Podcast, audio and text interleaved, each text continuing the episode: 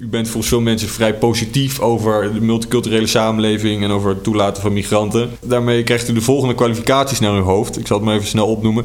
Linkse landverrader, hypocriete randebiel en zelfs bedreigingen. Hoe gaat u daarmee om? Ja, god, uh, um, if you don't like the heat, then stay out of the kitchen. Welkom, beste luisteraars, bij Onder Professoren. Een podcast over hoogleraren verbonden aan Universiteit Leiden die zich scharen in het publieke debat over zaken die buiten de academische grenzen reiken of zelfs om Nederland aangaan. Mijn naam is Cees van den Boom en vanaf de redactie van de Mare interview ik iedere maand een hooggeleerde gast van een andere faculteit. Vandaag is bij mij te gast professor Dr. Leo Lucassen. Hij is hoogleraar arbeids- en migratiegeschiedenis aan Universiteit Leiden. Professor Lucassen, welkom in de uitzending. Om te beginnen wil ik graag even uitleggen ja, waarom deze podcast eigenlijk. En het grappige is dat, dat u daar eigenlijk de aanleiding voor was. Ik weet nog in mijn eerste jaar van geschiedenis, toen eh, had ik een vak van u. En toen kwam ik erachter dat u eigenlijk eh, ja, veel meer bent dan alleen hoogleraar. Zo bent u in februari van dit jaar benoemd tot directeur van het Internationaal Instituut voor Sociale Geschiedenis. Maar ook heeft u zich in de afgelopen jaren als wetenschapper gemengd in het publieke vluchtelingendebat en het debat over Nederlanders met een migratieachtergrond. U schoof onder meer aan bij de Wereld Door en Buitenhof en schrijft met enige regelmaat opiniestukken voor onder meer Volkskrant en NRC. U bent berucht op Twitter, mag ik wel zeggen. U heeft ook 20.000 volgers, dat is best, best een hoop. En bent veel besproken op geenstel.nl. Nou, voordat we beginnen met interviews zou ik graag een gedicht willen voorlezen. Wat volgens mij goed aansluit bij het huidige vluchtelingendebat. De gedicht is geschreven door Anne Vechter, voormalig dichter des Vaderlands. Welkom in Nederland. Iemand zei: geschiedenis zoekt naar evenwicht. De tellingen hebben ons overtuigd, mensen en mogendheden in ongelijke mate. Nu lopen de cijfers langs de wegen van Europa vol speeksel, vol tranen, vol dringende verwachtingen. En waar zou jij op hopen als je verhaal, je land, je stad, je monument, je berg, je dorp, je eer, je school, je huis, je deken, je matras, je nachtrust dagelijks aan stukken werd gerukt?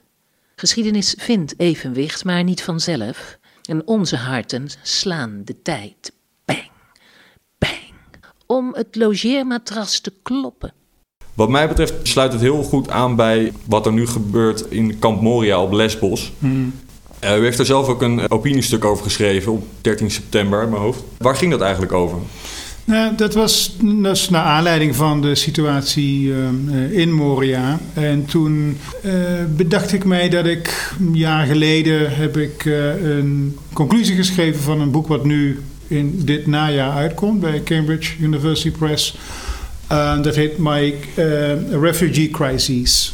Een van de conclusies die, of een van de rode draden die eigenlijk door al die hoofdstukken lopen, um, is de, het belang van wat, dan, wat we dan noemen civil society. Laat ik zeggen. Dus niet het gezin, niet de staat, maar alles wat er tussenin zweeft. dus mensen die zichzelf organiseren. Nou, dat kan een voetbalclub zijn.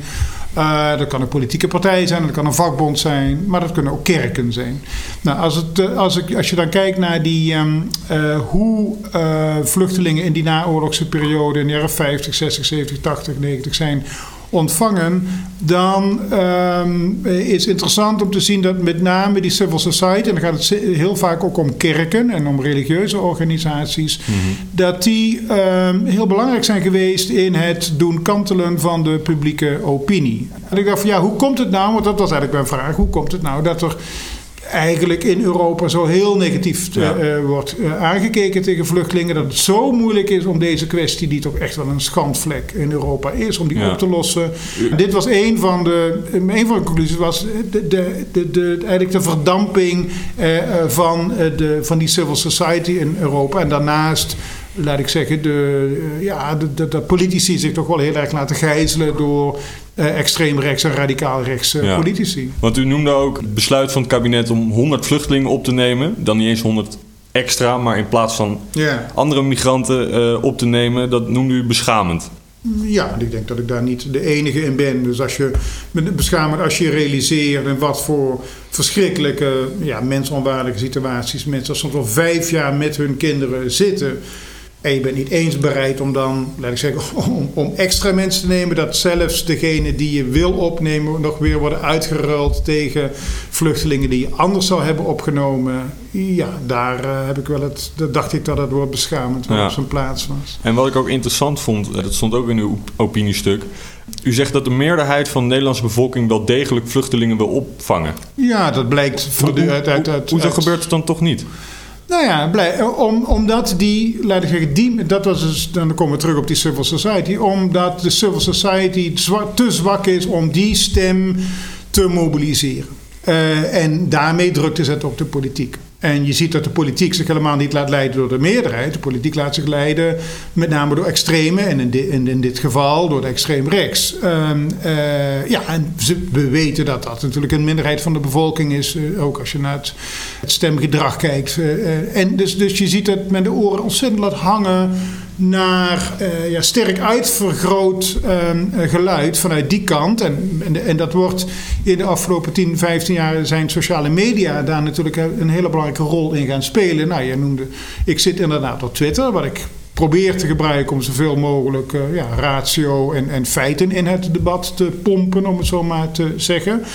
Uh, maar daar zie je natuurlijk allerlei mechanismen waarbij ja, heel extreme dingen heel sterk worden versterkt. Dus je hoort ook met de algoritmes uh, te maken die daarachter zitten. Ja. En je ziet dat politici daar veel meer naar luisteren, waar ze vroeger veel meer zouden luisteren naar, en, en zeker ook in, in, in, een periode waarin Nederland natuurlijk ook nog meer verzuild was, ja. naar hun natuurlijke achterban. Achterban, ja. In 2019 schreef u een, een stuk uh, samen met uh, Europarlementariër Tineke Strik, ook voor de Volkskrant. En daar had u het over een mondiale trend waarbij de houding tegenover vluchtelingen aanzienlijk gepolitiseerd en verhard is. En dat is wel interessant, want verderop in het artikel schrijft u dat het aantal asielzoekers in de EU sinds 2015 meer dan gehalveerd is. Ja. Hoe kunt u die twee dingen met elkaar rijmen dan? Je kunt dus constateren dat aantallen er helemaal niet zo te doen. Want als dat wel zo zou zijn, dan zou, hè, naarmate er minder komen, zou er hè, meer uh, uh, tolerantie daarvoor zijn. Of zou er meer. Uh, nou, dat is niet zo. Uh, dus blijkbaar staan die dingen los van elkaar. Nou, deels komt dat omdat mensen die aantallen ook helemaal niet weten. Um, en dat wordt natuurlijk door, opnieuw, door radicaal rechtse en, en extreemrechtse politici ook enorm opgeklopt. Um, maar daar zit, laat ik zeggen, een, een, een, uh, laat ik zeggen, een ideologie en een, een wereldbeeld achter. Uh, waarbij de veronderstelling is dat, dat deze migranten, hoeveel het, het, het er ook zijn, dat die onze samenlevingen ontwrichten. Hè? Omdat de meesten toch uit delen van de wereld komen uh, die verder van ons afstaan. En, en, en daar zit ook, ook echt wel een islamofobisch element in. Hè, dat veel, veel van die vluchtelingen uit islamitische landen komen. En nou ja, omdat, omdat het moslims zijn, uh, uh, dat ze de, de, hier nooit zo zullen kunnen assimileren. Nou, dat heeft te maken met een omslag die in de jaren 90 plaatsvindt, eh, waar de Amerikaanse politicoloog Samuel Huntington ook een belangrijke rol in heeft gespeeld. He, dus, dus, dus dat idee van een clash of civilizations. Dus met, na, na de Koude Oorlog. He, de Koude Oorlog was afgelopen met het ineenstorten van de Sovjet-Unie. Maar er is een soort nieuwe tegenstelling voor in de plaats. Een nieuwe vijand. Ja, waarbij moslims als de nieuwe vijand worden gezien. En moslims ook eigenlijk worden geracialiseerd in de zin dat ze worden gezien als een homogene groep met, met onveranderlijke uh, eigenschappen. Uh, en die nou, toch vooral uh, intolerant, vrouwvijandig, tegen homo's, nou, noem het allemaal maar op. En, en niet democratisch. Um, dat is een heel sterk idee, wat uh, totaal niet wordt ge, uh, bevestigd door de, de, empirische gegevens en de onderzoeken die we hebben. Ook onder uh, bijvoorbeeld vluchtelingen uit het Midden-Oosten en, en, en, Somalië, die in de jaren negentig naar Europa en naar Nederland zijn gekomen. Daar weten we nu heel veel van. er is heel veel onderzoek naar gedaan. Nou, er is geen Irakezen of Afghanen probleem in Nederland. Deze mensen uh, vluchten natuurlijk ook niet voor niks. Die vluchten juist voor intolerantie en ook voor extreme vormen van religie, voor dictatuur. Dus ja. die hadden helemaal niet zo'n moeite om zich aan te. Die hoeven zich voor een deel niet eens aan te passen, want ja. die hadden die houding. En veel van de mensen die in de jaren negentig zijn gekomen, dat waren overigens meer dan in het afgelopen decennium, maar dat zijn we allemaal weer vergeten die kwamen ook uit. En dat geldt eigenlijk ook nu wel. Als je gaat kijken naar wie dienen zich aan op dit moment in Nederland, maar ook in Europa dan is het overgrote deel komt uit landen waar ook het erkend een puinhoop is. Ja? Dus, waar de brandhaarden zijn. Nou, dus denk aan Afghanistan, Irak, Syrië, Eritrea op dit moment. Nou, daar komt uh, de bulk vandaan. Nou, is er ook een deel die komen uit landen waarvan wij nu zeggen... ja, zo, zoveel is daar niet aan de hand of is niks aan de hand. Dus u, sorry, maar uh, ik snap dat u hier wil uh, komen... maar u voldoet niet aan die criteria. Um, maar dat is, uh, ja, daarvoor is die asielprocedure uitgevonden. Sceptici die zeggen vaak dat migranten die komen hier en die profiteren van de welvaart en onze sociale voorzieningen. Terwijl u ook in uw boek wel uh, het erover heeft dat wij als land eigenlijk vijf eeuwen lang, maar ook nu, nog onze voordeel kunnen doen met die migratie. Ja, nou ja, die twee dingen sluiten elkaar ook helemaal niet uit. Uiteraard doen uh, uh, immigranten en, vluchten, en vluchtelingen binnen die immigrantengroepen uh, profiteren die van welvaart en van sociale uitkeringen. Dat lijkt me logisch, zeker bij vluchtelingen die nou eerst überhaupt niet mogen werken. Dus nou, wil je niet dat ze doodgaan, dan zul je ze een uitkering moeten geven. Uh, en vervolgens wat tijd nodig hebben om de taal te leren, om hun netwerken uh, op te zetten. En dan hangt het heel veel af van hoe proactief zo'n integratiebeleid is. Hoe snel mensen, laat ik zeggen, hun eigen broek op kunnen houden. Hè? En uh, nou, sommige landen, Nederland is daar niet heel goed in. Maar andere landen zijn daar veel sneller en beter in. dus ja, in die periode drukken ze, laat ik zeggen, kosten ze geld, om even eenvoudig te zeggen. Alhoewel ze tegelijkertijd natuurlijk ook uh, en dat is een soort Keniaans effect. De, de economie aanjagen, want die geven dat geld ook weer uit. Uh, uh, dus, dus neem een asielzoekerscentrum in een dorp. Ja, levert ook heel veel economische activiteit op. Dus dat levert investeringen op, et cetera. Dus dat is niet alleen maar, laat ik zeggen, een debet kwestie. Nee. Maar vervolgens um, uh, gaan ze wel aan het werk en voegen ze wel iets toe. En, en, dat geldt al helemaal voor hun kinderen. Dat ligt ook heel erg aan over welke termijn je kijkt. Ja, de eerste jaren kosten ze geld. Maar hoe langer je die termijn maakt, hoe meer ze ook weer opbrengen. Maar nogmaals, dat is een puur economische ja. afweging. En, er is, het, en laat ik zeggen, het gaat hier natuurlijk veel ook ja. nog wel om andere dingen. Het is niet, niet leidend, maar wel nee, belangrijk. Nee, het is geen, vluchtelingen zijn natuurlijk geen business case. Dus, dus zelfs bij de Syriërs, die nog, nog maar een amper vijf jaar zijn. Ook daar is toch al 20, 25 procent van deze mensen hebben al werk. En dat is echt wel al. Kun je zeggen, ja, maar waarom zijn ze nog steeds niet aan het werk? Maar um, ja, nogmaals, dat heeft te maken met dat het een, een, tijdje duurt voordat ze überhaupt mogen werken. En, en dat deze mensen zich natuurlijk aanpassingsproblemen hebben. Dat, dat laat zich raden. Maar hoezo denkt u dat die geschiedenis toch zo belangrijk is voor wat er nu gaande is? Nou ja, omdat uh, ik zeg wel eens tegen studenten: kijk, ik, ik ben een uh, sociaal-economisch historicus. Dat wil zeggen dat wij veel gebruik maken van theorievorming uit de sociale wetenschappen en uit de economische wetenschappen. En in die zin beschouw ik mezelf ook wel als een sociale wetenschapper. Uh, alleen een sociale wetenschapper die anders dan andere sociale wetenschappen uh, is gespecialiseerd in lange termijn ontwikkelingen. En uh, dat is belangrijk omdat dat jou beter in staat stelt om bepaalde mechanismen bijvoorbeeld te zien. Hè, dus die een beetje onafhankelijk van tijd zijn. Mm-hmm. Uh, en je ook weet hoe bepaalde ontwikkelingen zijn afgelopen. Hè. De sociale wetenschappers hebben natuurlijk één groot voordeel. Dat ze in de huidige tijd leven en ook, laat ik zeggen, hun, hun materiaal onmiddellijk ligt bij wijze van spreken op straat. Terwijl wij soms ingewikkelde de, uh, dingen moeten doen om erachter te komen wat er in een bepaalde periode is, uh, is gebeurd. Maar het voordeel van historici is dat we wel weten hoe bepaalde processen zijn afgelopen. Ik noemde net het simpele voorbeeld van hoe is het nou gegaan met die vluchtelingen uit de jaren negentig. Nou, grosso modo is dat helemaal niet slecht gegaan. En dus toen, dus daar, volgens mij kun je dan vervolgens zeggen dat. De, een, dat heeft een zekere voorspellende waarde. Als je nu constateert dat in de afgelopen vijf jaar, hè, vanaf 2014, 15, uh, vluchtelingen uit ruwweg dezelfde herkomstgebieden zijn gekomen. Nou ja, uh, natuurlijk de, de politieke situatie is veranderd en andere dingen wel veranderd. Maar laat ik zeggen, de, de, het, het type mensen en, en, en hoe zij zijn gesocialiseerd niet. Mm-hmm. Nou, dan, dan is het niet zo heel erg uh, hogere wiskunde om te zeggen, nou, dan verwacht ik dat, dan verwacht ik niet dat het, dat het bij deze groep ineens heel anders zal lopen. In ieder geval dat deze groep een veel groter probleem zal ja. opwerpen. Ik ehm, zou graag even mee willen nemen naar uw televisiedebuut bij De Wereld Draait Door. 2016 was dat. Uh, u werd toen uitgenodigd om te praten over de eh, beruchte Oudejaarsnacht in Keulen. Kort fragment. Eh, en uh, allochtonen die hebben vaker aanrandingen en echte verkrachting op hun naam staan. En het probleem daarvan is, is dus als je ziet dat dat vijf keer zo vaak voorkomt, gaat het om tussen de 1 op de 20 tot 1 op de 30 allochtonen die verdacht zijn van zedendelicten. Natuurlijk, als je dan het hebt over een migratiecrisis, moet je het daarover kunnen hebben. Dus wat hij eigenlijk zegt is dat 1 op de 20 à 30 allochtonen uit die gebieden ehm, een zedendelinquent is. Toen later bleek het te gaan op 1 op de 2500.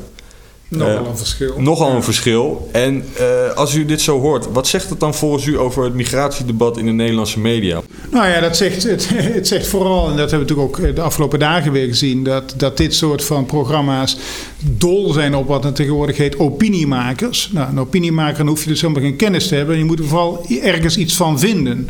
Nou, eh, Van Linden vindt voortdurend ergens iets van. eh, en meestal eh, in, in dezelfde hoek. Uh, en daar zijn programma's als uh, in dit geval De Wereld Draait Door, maar ook, nou, noem ze maar Vorige op. week nog bij uh, ja, één over Nu weer met de influencers. Um, dat is, want dat geeft reuring en dat is natuurlijk allemaal veel interessanter dan een... Uh, dan, een saaie, dan een saaie wetenschapper. Um, uh, dus je ziet dat wetenschappers eigenlijk zelden daar aanschuiven. Ten, tenzij ze iets heel lolligs te, te, te, te, brengen hebben. Ja. En er, is ook helemaal geen, er zit ook helemaal geen correctiemechanisme in. En bovendien ja, het zegt dit natuurlijk iets over de manier waarop wij al 20, 25 jaar over migratie praten. En dat is vanuit een hele ja, wat, wat we in het boek Vijf Eeuwen Migratie uh, noemen, een, een hele pessim integratie-pessimistische manier. Die nou, allerlei verklaringen voor zijn. Ehm, dus ik werd toen gebeld. Ik, was, ik zat op een vergadering in, Brussel door de redactie van de Wereld over diezelfde avond, of de avond, dat was dus de avond later hierover wilde praten. Nou, ik, ik, kende die onderzoeken en ik wist dat hij zich volkomen had vergalopeerd. En toen heb ik ook uitgelegd. Dan moet je natuurlijk wel even heel goed gaan kijken van hoe zijn die groepen samengesteld. Nou, in ja. het geval van, van asielzoekers is daar een, een, een, oververtegenwoordiging aan jonge mannen. Nou, die zijn in zijn algemeenheid, laat ik zeggen, oververtegenwoordigd in de meeste. Dus daar moet je voor, hè, dat heet dan technisch gezien, daar moet je voor corrigeren. Uh, uh, wil je snappen waardoor het komt. Hè? Komt het door leeftijd, komt het door uh, sociale economische achtergrond of komt het door een bepaalde culturele dispositie. Nou, dat was niet de gemiddelde asielzoekers, dat waren kansloze asielzoekers, met name uit Algerije, Marokko en, en andere Noord-Afrikaanse landen, die, die, die uh, hiervoor uh, grotendeels verantwoordelijk waren. En dat heeft ook weer te maken met dat dit een groep is die, die helemaal in de marge van die samenleving zit. Um, dus daar hebben we het toen over gehad. Maar toen... Van Linden zat er ook bij. Ja, ja, die, die is eerst nog door het stof gegaan. Die, die, die zat erbij en de afspraak met de redactie was dat hij ook helemaal niets zou zeggen. Nou, ja, kon, ik heb nog een kon fragment. Hij, kon hij het dan toch weer niet laten. Ik heb een fragment waar we dat heel mooi op... Eigenlijk, er komt eigenlijk, wat mij betreft, alles uh, een beetje samen van de dynamiek van dat ja. uh, gesprek. Ik begin met Matthijs van Nieuwkerk. Wat hebben wij aan u? Wat hebben wij aan mij? Ja. Nou, eh, eh, wat je aan mij hebt is in ieder geval dat je feit van fictie kunt onderscheiden. En dat, je, laat ik zeggen, dat het ook ah. goed is om uh, rustig te kijken naar iets wat nu al een enorme hype is. Wil je toch iets zeggen, Siebert? Um, wat erin gezegd wordt is dat er wel degelijk... Kijk, je kunt corrigeren voor leeftijd of ze samenwonen... of ze een uitkering hebben voor allerlei omstandigheden. En op een gegeven moment heb je je model zo gemaakt... dat er inderdaad opeens ten opzichte van hun peers zijn ze ondervertegenwoordigd. Dat is wat hij er dus over te zeggen had. Ja, dus een, een, hij begrijpt echt niet wat wetenschap is. Dat blijkt hier wel uit. Ja, uh, uh, dus is eigenlijk, eigenlijk beschuldigt hij mij en daarmee de hele sociale wetenschap ook... Uh, van het dusdanig masseren van feiten... net zolang tot je de gunstige politiek correcte uitkomst hebt. En daar is hier geen sprake van. Het gaat er hier om, juist wetenschappers willen begrijpen... wat ligt eraan ten grondslag. Nou, dat wil je weten als je er iets aan wil doen... Dan wil je natuurlijk weten, ligt het aan leeftijd? Ligt het aan iets anders? Uh, nou, als het uh, aan, aan, vooral aan leeftijd ligt, heeft het natuurlijk helemaal niet zoveel zin om, laat ik zeggen, um, uh, andere soort van maatregelen te, te gaan nemen. Maar goed, Van, van Lieden probeert hier alsnog zijn gelijk te halen. Ja. En nou goed, sociale wetenschappers hebben hier ook uitgebreid op uh, gereflecteerd. En, uh, en ja, hebben hem gewoon alle hoeken van de kamer laten zien. Ja. Uh, maar goed, daar zit je natuurlijk op een. op een, in, in, in zoverre zat ik daar op een ongemakkelijk moment. Dat ja, als ik te vragen, wat hebben we eigenlijk aan nu? Nou, dat was om te beginnen nogal een, vraag. nogal een lompe vraag. Want zij hebben mij uitgenodigd om, om dingen uit te leggen. Ehm, eh, en ja, nogmaals, ik had daar anders op moeten antwoorden. Nou goed, het antwoord was op zich niet, niet verkeerd. Maar ik, ik had hier moeten antwoorden als het, als het ging om met name om die nieuwjaarsnacht. Ja. Eh, eh, dat dit nog veel te vroeg was om daar eh, Er- echt... er liggen nog en- geen weet- over nee, klaar. Nee, precies. Ik eh, wil het even met u over uw boek hebben, Vijf eeuwen migratie. Ik heb hem, ik heb hem hier bij me, ik heb hem ook eh, gelezen. Eh, ik vond het heel interessant. En u heeft het boek samengeschreven met uw broer Jan Lucassen. Eh, ik had even opgezocht, hij is ook hoogleraar geschiedenis. Hij is ook verbonden aan het ISG, waar u dus directeur bent. En dan eh, kwam er mij eigenlijk de vraag op, eh, lijkt u meer op uw broer of hij meer op u? Ehm, ja, op wie nou het meest op wie lijkt. Eh, ehm, kijk, hij is de oudste, dus ik zal iets meer in zijn voetsporen Ja. eh, zijn getreden dan hij in die van mij. Dat lijkt mij logisch. Ja. Ja, nou ja, ik vond wel, het viel me op. Ik vond het wel grappig. Wat me opviel, onder andere, was een pamflet van Pim Fortuyn uit 1997, getiteld Tegen de islamisering van onze cultuur. Eh, en daarin schreef hij het volgende. Islamitische Nederlanders dienen zich niet en masse en uitzichtloos in de onderklasse te blijven bevinden. Aan hen dient op korte termijn perspectief te worden geboden om ten volle deel te nemen aan de Nederlandse economie en samenleving. Voor mij was het een nieuw geluid. Van in hoeverre ik eh, Pim Fortuyn ken. Ehm, Dit is een in- interessant fragment van Fortuyn, wat ook goed laat zien hoe ja, een tweeslachtige figuur hij was. En je moet natuurlijk goed, goed bedenken dat Fortuyn echt een sociaal-democratische roots heeft. Ehm, ik ben wel als student heb ik nog wel eens stukken van hem moeten lezen. Verder eh, interessante stukken gewoon over economische politiek, eh, eh, dingen die hij in de jaren tachtig schreef. Hij zelfs op, op enig klein moment heeft hij zich willen aansluiten bij de Communistische Partij Nederland in de jaren 70. Nou, die, hebben hem, die, die zagen hem weer niet zitten. Langzaam is Fortuyn opgeschoven ehm, in een meer populistische richting, maar hij, hij is die sociaal-democratische wortels, die heeft hij nooit helemaal doorgesneden. En dat, dat, dat vind je ook wel een beetje terug in dit, in dit fragment. Hier zit ook, een heel sterk maakbaarheid van de samenleving idee in. Hè. We, we moeten, hij heeft ook volkomen gelijk dat, dat een groep die aan de onderkant van de samenleving zit, in dit geval met een migratieachtergrond, dat we alles moeten doen om ervoor te zorgen dat die kan emanciperen, hè, dus dat hij dezelfde kansen krijgt, et cetera. Ehm, later is ook in diezelfde tijd eh, eh, is die. ehm, maar daar zit, wat dat betreft heeft hij vele kanten. Het is een, wat dat betreft een ook een enigszins raadselachtig figuur. Ehm, populistisch misschien hè? in die zin. Populistisch. Ja, zeker populistisch. En, en eh, nou ja, toch wel heel sterk beïnvloed door het idee dat de islam een, een, een hom- homogeen gevaar vormt. Eh, verderop heeft u het ook over eh Forum voor Democratie. Daar kan je natuurlijk ook niet eh, omheen. Nee. En u schrijft over het gedachtegoed van FVD ehm, dat het eh, de schijn wekt geïnspireerd te zijn door vormen van biologisch racisme. En verderop schrijft u dat de kern van Thierry Baudet's overtuigingen is gebaseerd op nazistische theorieën over de Arische wortels van het Indo-Europese volk. Het is een mond vol en ik word er ook eigenlijk een beetje bang van. Eh, u ook, als u het zo opschrijft? Nou ja, is, eh, eh, dat schrijf je natuurlijk liever niet op. Om, omdat je natuurlijk liever niet hebt dat dit soort ideeën waarvan we ook dachten dat we, daar, dat we die toch echt eh, definitief verworpen hadden na de Tweede Wereldoorlog. Dat die toch in allerlei gedaanten en vormen weer terugkeren. En ehm, eh, nou ja, we, hebben in het boek, eh, dat is natuurlijk alweer twee jaar geleden, hebben we hebben nog enige voorzichtigheid betracht. Eh, maar eh, sindsdien is dat niet beter geworden. Hè? Als je ziet waar hij zich mee afgeeft, met wat voor ideeën. Ehm, eh, met wat voor denkers hij eh, eh, wegloopt. Ja, hij heeft een, een hele duidelijke fascinatie voor extreemrechts gedachtegoed. Nou, het, is niet, het is ook niet voor niks dat hij zijn proefschrift aan Jean-Marie Le Pen, een holocaustontkenner en een erkend extreemrechts eh, eh, voorman in Frankrijk heeft aangeboden. En tot twee keer toe bij hem langs is geweest. Nou, en, en alle ontmoetingen die hij sindsdien heeft gehad met de meest extreme hè, eh, ideologen uit, uit dat spectrum van de politiek. Ja, dan kun je er niet omheen dat hij daar blijkbaar veel in ziet. En, en nou, dus, dus uitspraken als Euro- Europa moet dominant belang blijven en noem het allemaal maar op. Je kunt uh, als je dat allemaal op een rijtje zet, kun je daar gewoon niet omheen. Hij zal dat ontkennen. Hij ontkent dat ook. Maar ja, dan snap ik niet waarom hij dat soort uitspraken doet. Dan snap ik niet waarom hij zich zoveel daarmee uh, omgeeft. En ik, dan snap ik ook zijn, zijn Twitter-gedrag, wat allerlei mensen doen. Ik heb wel wat anders te doen, maar er zijn allerlei mensen die ook heel nauwkeurig in kaart brengen. Um, wat hij, niet alleen wat hij tweet, maar ook wat hij retweet. Uh, welke mensen hij blijkbaar goed, uh, uh, waarin hij blijkbaar door geïnspireerd wordt. Ja, dat zit ontzettend in die extreem rechts bruine hoek. Ja, daar kan ik, dat is nu helemaal zo. Dat zijn de feiten. Wat overigens niet betekent dat de gemiddelde volkeling van het Forum voor Democratie dat ook meent. Hè? Dat is. Uh, ik denk dat, dat, dat. En dat geldt overigens ook voor volkelingen. of voor mensen die op de PVV stemmen. Ja, die, die zijn niet per definitie racistisch. Ja. Ik bedoel, dat, dat, dat, je moet wel een onderscheid maken tussen laat ik zeggen, wat, wat de leiders van dat soort partijen vinden en zeggen. En laat ik zeggen, wat mensen die daarop stemmen of lid van zijn, uh, wat die denken. Dat is vaak veel, ja, dat ligt, ligt, ligt diverser.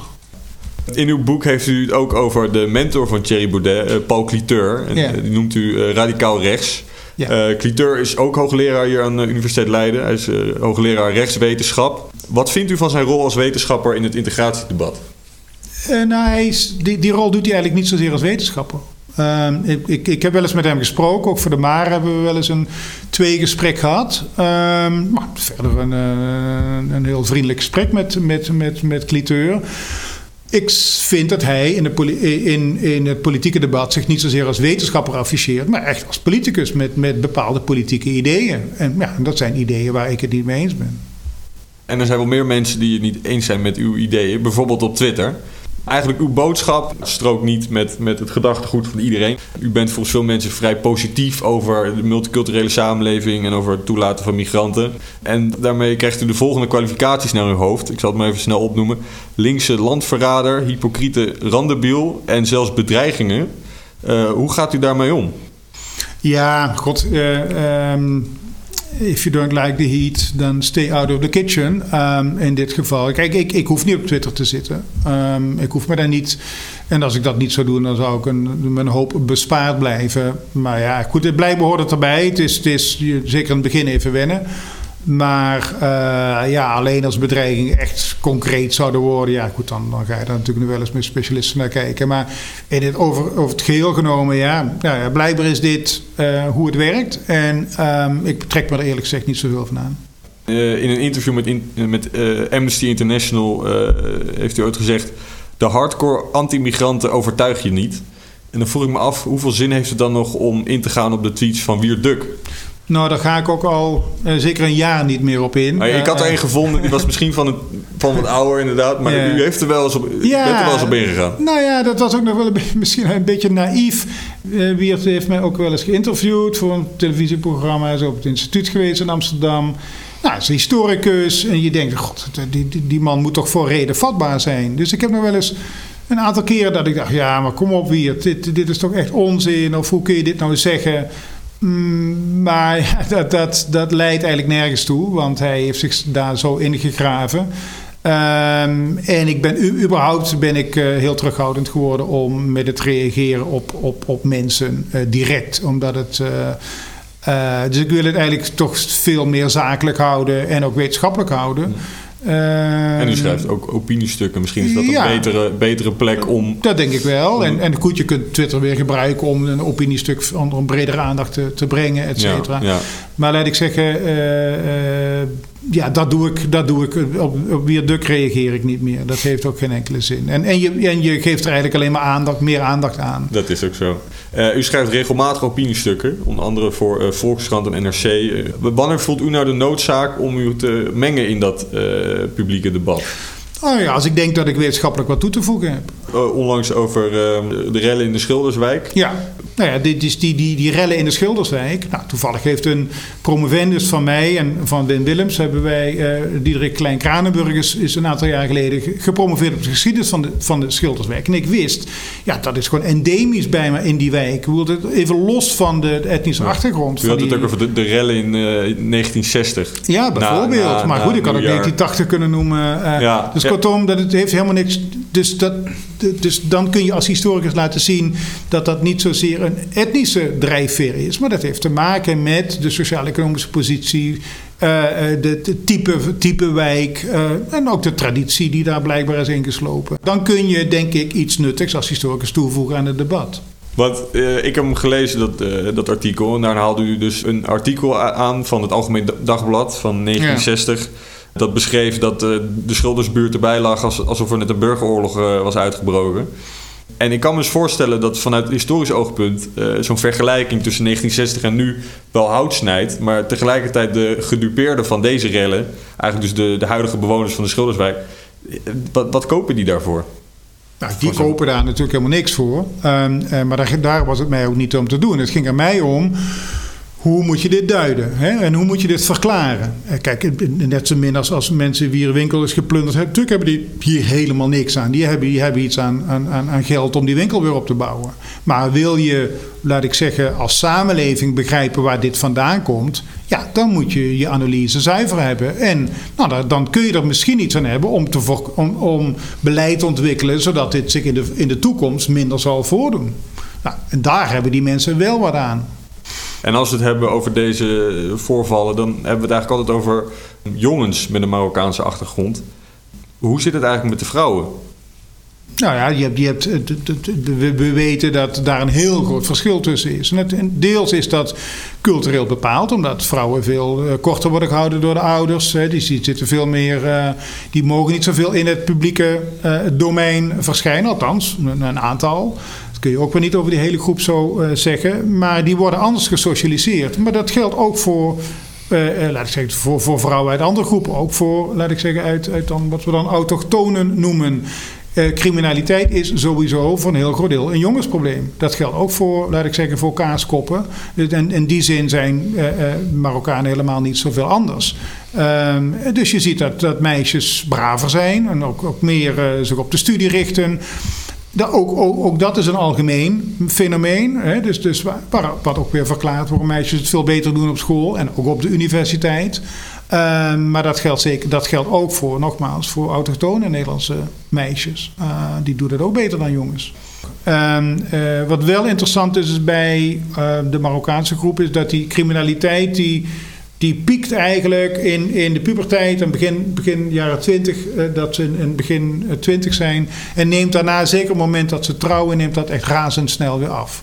Eh, terwijl dat voor andere groepen soms gewoon doorgaat. Dus je ziet, het is wel heel erg leeftijdsgebonden, wat, wat verder die criminaliteit verder niet minder ernstig maakt of, of, of, minder vervelend. Maar het is wel een interessant, interessante observatie van criminologen. Ik zou graag willen eindigen met de woorden van Geert Mak. Niets is moeilijker dan de geschiedenis herkennen als je er middenin zit. Desalniettemin zou ik u willen vragen: in wat voor tijd leven wij? Hmm, ja, het ligt eraan wat, wat je belangrijk vindt. Maar we leven in ieder geval in een tijd van ja, van sterke polarisatie. Um, zowel binnenlanden als tussenlanden. En dus ook op wereldschaal. Hè. Kijk naar China, naar Amerika, naar wat er nu in Engeland gebeurt. En in die zin nou, hebben natuurlijk nogal wat mensen ook, ook de vergelijkingen met de, de, de, de, jaren vlak voor de Eerste Wereldoorlog wel gemaakt. Nou, of dat zo ver is, weet ik niet. Maar dat die polarisatie is duidelijk. En we zitten in een periode, als je naar de afgelopen eeuwen kijkt, uh, met een toenemende sociale ongelijkheid binnen landen. dus je ziet dat, dat de periode van afnemende sociale ongelijkheid tussen pak een beet, wat de Fransen zo mooi lettrante glorieuze noemen, 1950. Um, of 1945, 1975, dat we nu in een, in, in een, in een periode zitten van toenemende sociale ongelijkheid, met name binnenlanden. En ten derde zitten we in een hele gevaarlijke periode waar het gaat over het klimaat. Um, uh, waarin nou, misschien wel onherroepelijke, niet meer terug te draaien um, uh, ontwikkelingen hebben plaatsgevonden. Met name als het gaat om het uh, gebruik van fossiele brandstoffen. Ja, en, en, waar ons dat zal brengen, dat is natuurlijk nog heel ongewis. Dan nog even een leestip voor de luisteraar. welk boek over migratie zou iedereen moeten lezen? Uh, uh, Sinan Sinkaya heeft een prachtig boek over identiteiten en meervoudige identiteiten geschreven. Ik ben even de titel daarvan kwijt. Dus dat kan ik iedereen aanraden. Ja, en ik kan er niet omheen dat ons de vijf eeuwen migratieboek uit 2018, als je wil begrijpen, laat ik zeggen, de, de, de impact en het belang van migratie voor, de, voor Nederland en van de Nederlandse geschiedenis vanaf 1500 ja, dan denk ik dat je in ons boek ook een hoop interessante dingen, uh, uh, waarnemingen kunt aantreffen. Professor Dr. Leo Lucassen, dank voor uw bijdrage aan deze podcast. Daarnaast wil ik PP Producties bedanken voor de techniek en Pim van Hielkema Vlieg voor het logo. Wie er volgende maand bij mij te gast is, dat blijft nog even een verrassing. Ook voor mijzelf overigens. Tot zover deze uitzending van Onder Professoren, of zoals onze pedel zou zeggen, Hora Est.